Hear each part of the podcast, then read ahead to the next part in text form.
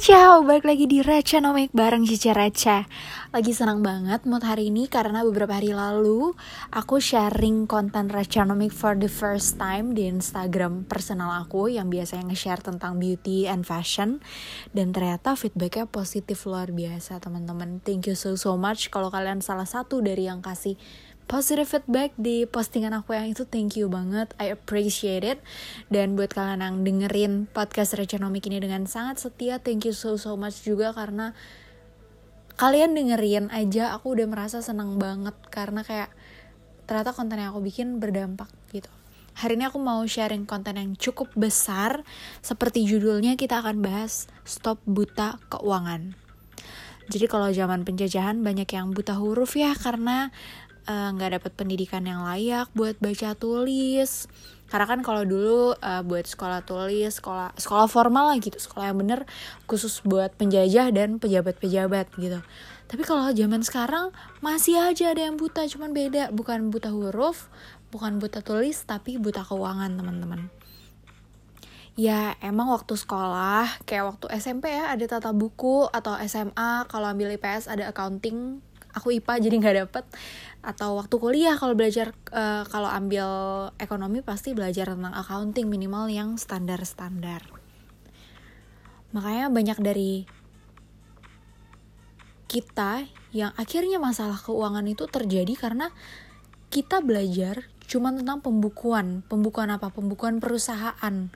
Pembukuan organisasi pernah nggak belajar tentang pembukuan pribadi? Enggak kan? Jadi itu yang bikin kenapa kalau kalian selama ini ngerasa kayak aduh Jen kok gue ngalamin masalah keuangan? Gak apa-apa banget karena itu adalah hal yang wajar gitu. Karena kita emang gak belajarin di sekolah kan?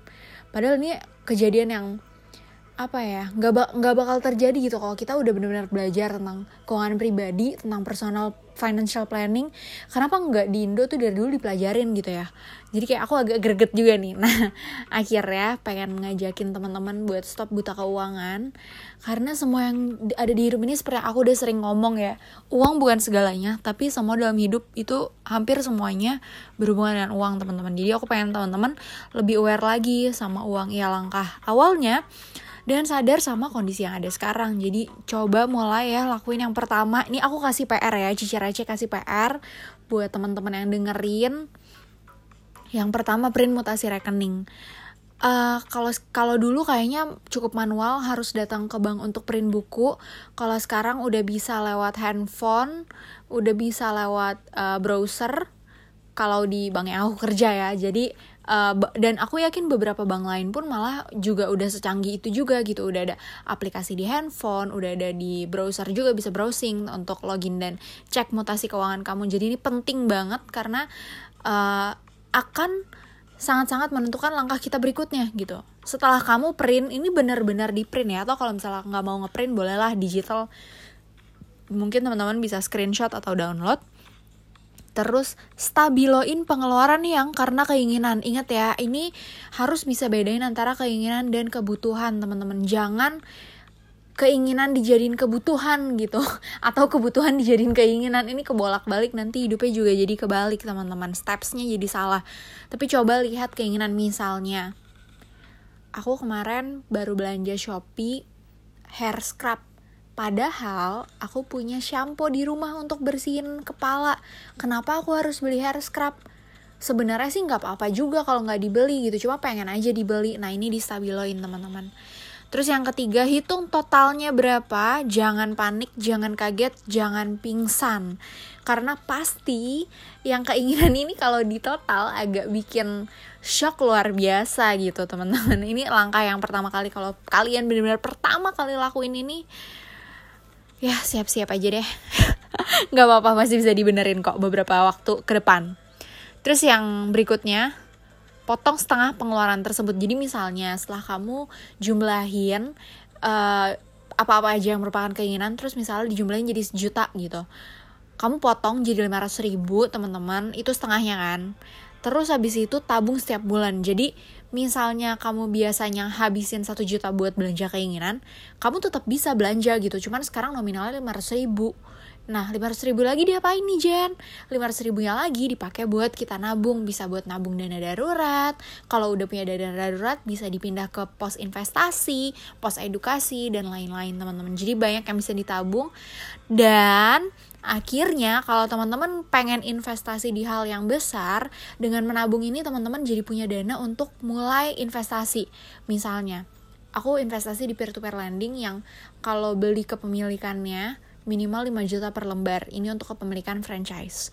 Jadi aku kalau aku nabung 500 ribu sebulan, kira-kira setelah 10 bulan aku tetap bisa belanja kebut uh, keinginan dan kebutuhanku dan 10 bulan itu aku konsisten untuk menabung bagaimanapun keinginannya, aku jadi bisa beli uh, target investasi aku gitu. Bayangin gak kalau kalian lakuin ini secara konsisten, teman-teman sering dilakuin dan bahkan kalau kalian terchallenge, ini aku kasih challenge buat kalian aja setiap bulan nominalnya ditambah ini akan jadi kebiasaan yang luar biasa teman-teman. Tabungannya akan jadi semakin besar dan nilai investasinya juga akan semakin besar. Apalagi kalau dicampur sama yang namanya konsep compounding interest. Jadi udah diinvestasiin jangan ditarik. Tenang tenang tarik nafas. Uangnya diri invest lagi alias dijeburin lagi ke investasi. Bisa di instrumen yang sama atau instrumen yang lain. Tergantung preferensi teman-teman. Ini benar-benar luar biasa sih. Kalau uh, dihitung-hitung bunganya akan jauh lebih besar dan bahkan teman-teman bisa belanja gratis akhirnya kenapa? Karena dari bunga yang berbunga itu teman-teman bahkan bisa dapat penghasilan untuk belanja kebutuhan dan keinginan gitu teman-teman. Jadi kalau pengen belanja gratis ya aku saranin mulai dari sekarang karena aku udah beberapa tahun ini merasakan belanja gratis. Dari uang yang aku investasi diinvestasi lagi diinvestasiin lagi dan akhirnya aku bisa belanja bahkan bisa buat liburan ke luar negeri teman-teman. Jadi kalau kalian lihat aku bisa berlibur misalnya di sosial media aku karena aku juga bikin konten kan. Suka bikin vlog traveling suka bikin foto-foto pas lagi traveling teman-teman jangan kaget. Itu bukan karena aku bekerja di sebuah perusahaan dan gajinya masih sebagai cungpret tapi itu karena pekerjaan di luar perusahaan gitu. Jadi karena aku bisa investasi investasi, aku punya freelance job dan akhirnya aku bisa liburan dan kalau aku bisa, teman-teman aku sangat amat yakin teman-teman juga bisa lakuin itu. Mulai dari diri sendiri dulu buat kerjain PR ini, praktekin dan rasain manfaatnya. Kalau udah berasa manfaatnya, teman-teman boleh share podcast ini, boleh share ke semua orang yang teman-teman kenal, bantu aku supaya kita bisa sama-sama uh, memulai Indonesia yang lebih baik perekonomiannya, bisa sama-sama majuin kehidupan orang-orang di sekitar kita jadi yang makmur nggak cuma kita tapi uh, jadi berkat juga buat banyak orang. Thank you so much buat yang udah dengerin Reconomic Podcast. Semoga membantu dan semoga kita ketemu lagi di podcast berikutnya. Ciao